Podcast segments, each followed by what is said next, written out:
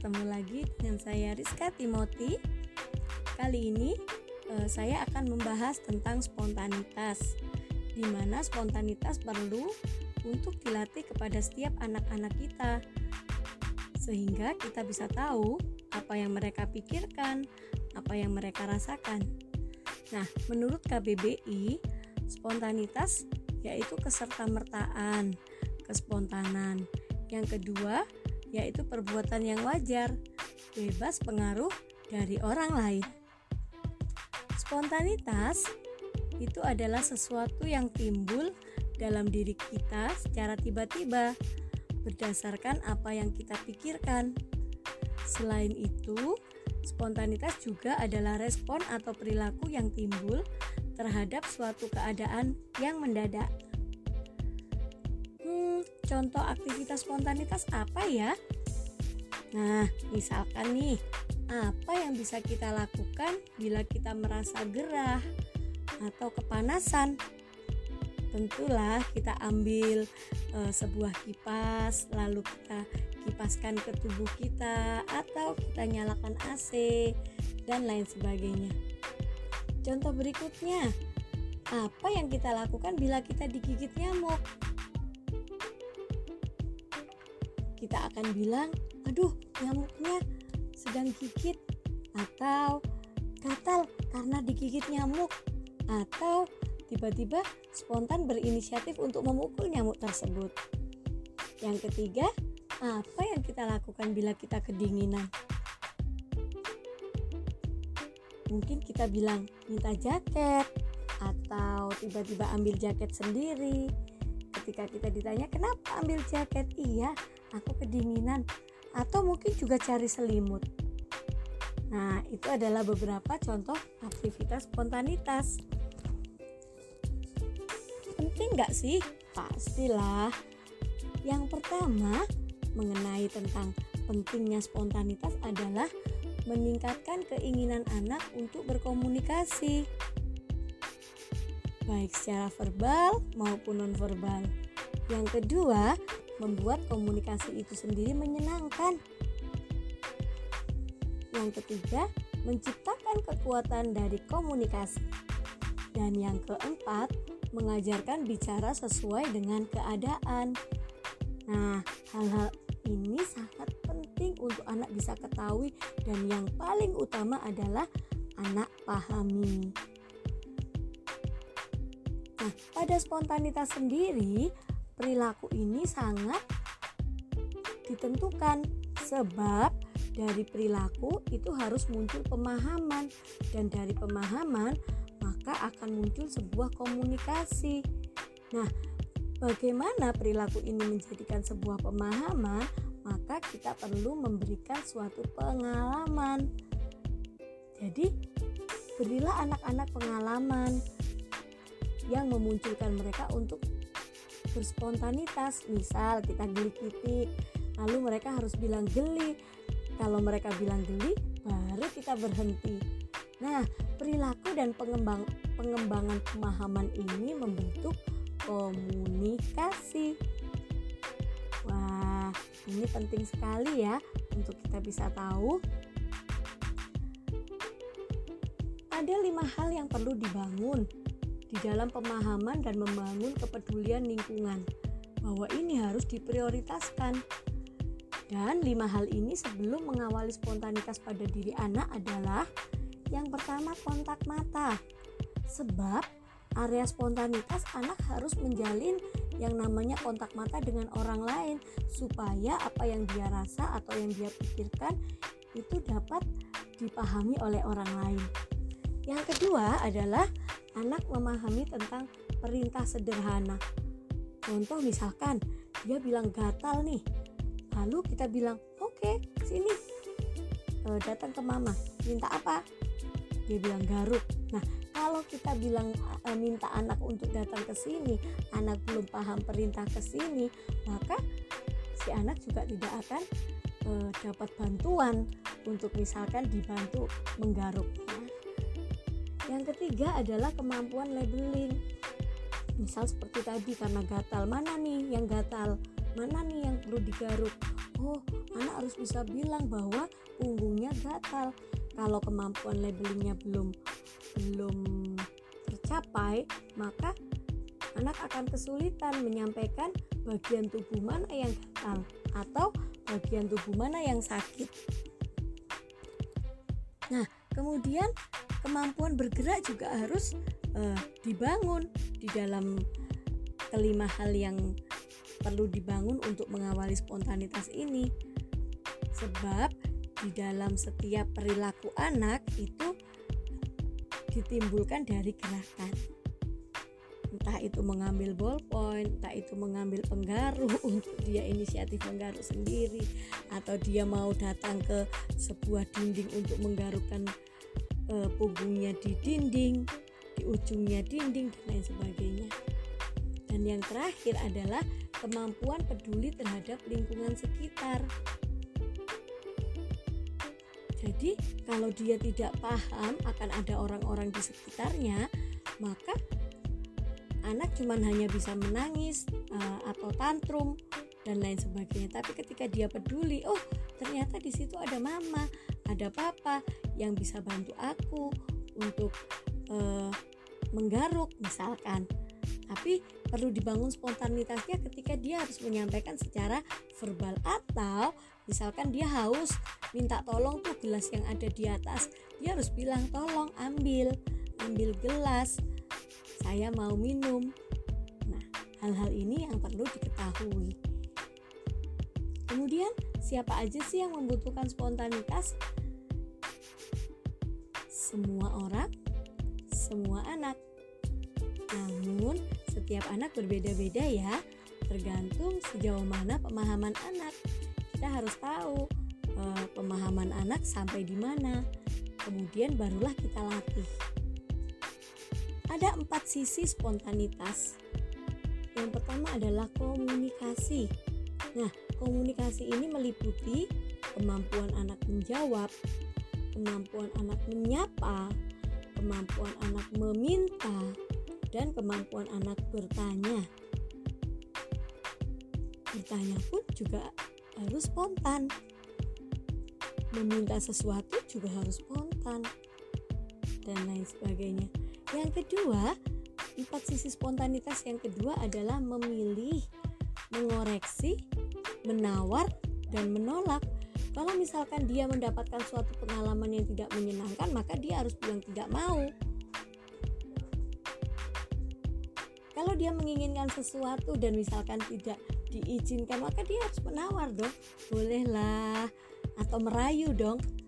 Kira-kira boleh nggak kalau saya dapatkan ini dengan uh, harga yang murah atau uh, kalau perilaku saya baik saya boleh ya dapatkan mainan ini? Nah itu kan masuk dalam hal menawar. Kemudian yang ketiga adalah berimajinasi. Imajinasi ini mengalihkan pembicaraan mengalihkan aktivitas mengalihkan perilaku kemudian mengajak bergurau bercanda kemudian menyanyi, bersenandung, bergaya. Ini masuk dalam tingkat imajinasi. Dan yang terakhir, yang keempat adalah proteksi. Kalau tadi di negosiasi ada menolak, sekarang masuk di area proteksi. Muncul suatu inisiatif spontan dengan gerakan. Contohnya menghindar, menangkis, lari. Eh ada lubang, aku harus melompat aku harus melangkah teriak misal dan lain sebagainya. Nah perlu kita ketahui pada konsep diri kita sendiri ada dua hal spontanitas yaitu verbal dan nonverbal.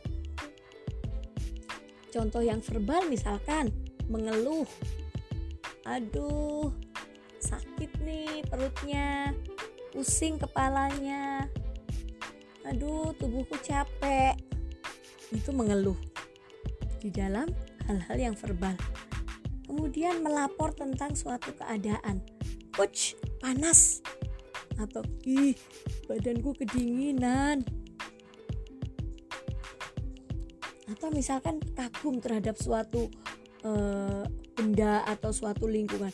Wah, tiang itu tinggi sekali ya. Kemudian yang berikutnya di area verbal adalah meminta tolong.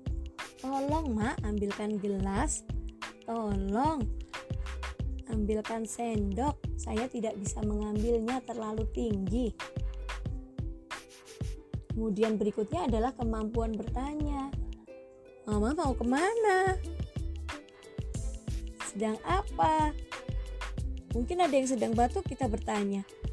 Kenapa? Oh iya, karena lagi sakit batuk atau karena lagi uh, keselak kalau orang Jawa bilang keselak ya Nah, itu masuk dalam konsep kemampuan bertanya. Kemudian meminjam benda. Boleh dong pinjam bendanya, pinjam pensilnya, pinjam penghapusnya karena saya gak bawa. Ini adalah area-area verbal. Nah, untuk area yang non verbal itu ditunjukkan dengan ekspresi, menunjuk, memberi tanda atau isyarat, memegang tangan kita untuk mengambilkan sesuatu, menghindar, atau refleks gerak tubuh. Ini adalah spontanitas yang nonverbal pada konsep diri. Nah, setelah semua spontanitas itu dilatih, jangan lupa melatih spontanitas untuk etika dan tata krama ya. Contohnya bilang permisi, maaf, Terima kasih. Tolong, silakan. Berpamitan dan bersalaman. Hmm, lalu eh, bagaimana ya melatih anak? Nah, kalau kita mau melatih anak, kita harus role play bersama mereka. Beri anak-anak ini suatu pengalaman. Yang kedua adalah merekayasa lingkungan bilang apa nanti pura-pura ganti baju ya. Lalu biar dia nanya papa mau ke mana? Nah yang berikutnya catat kemampuan anak. Ketika anak bisa ketika anak mampu segera catat. Supaya bisa segera ditingkatkan pada kemampuan yang berikutnya.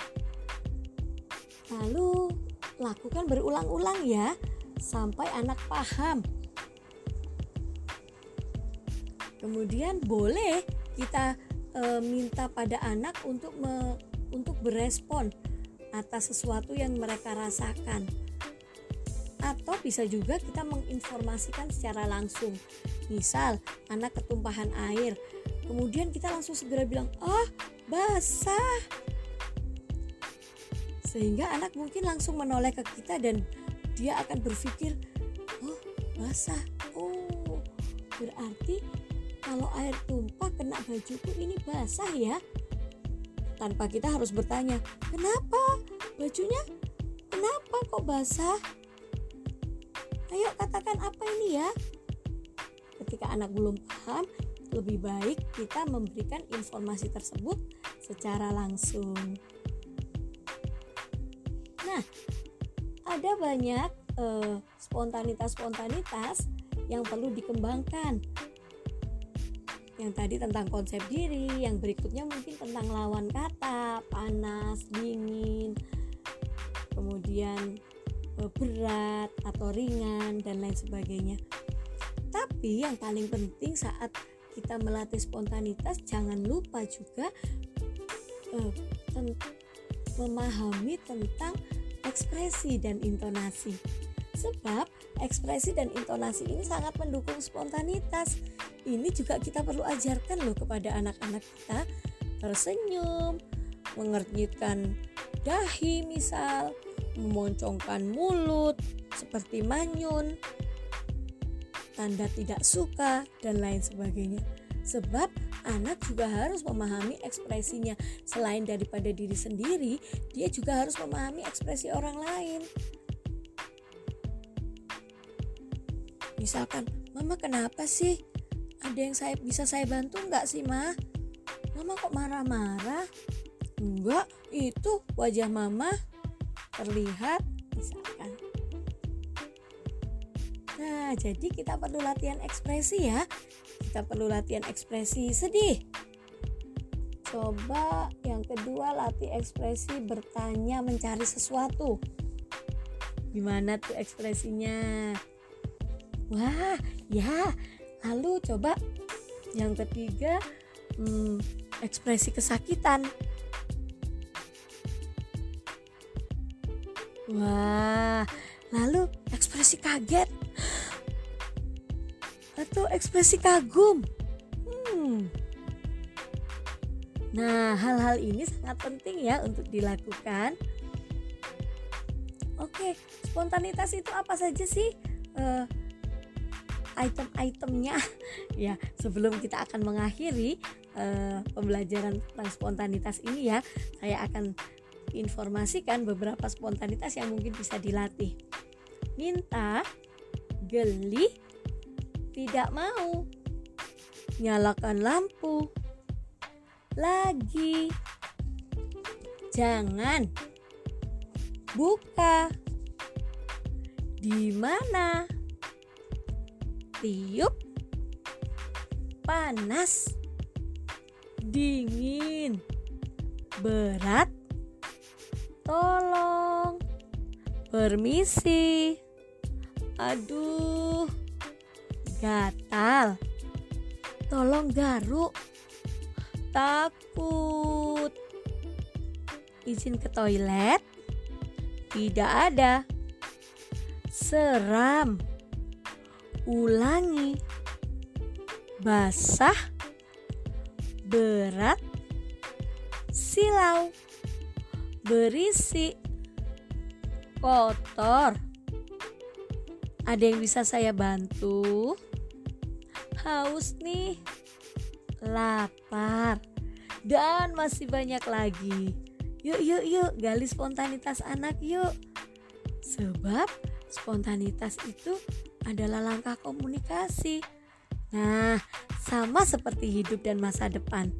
Spontanitas juga perlu diperjuangkan ya sebagai langkah komunikasi. Sekian dari saya. Saya Rizka Timoti. Selamat belajar. Selamat mencoba.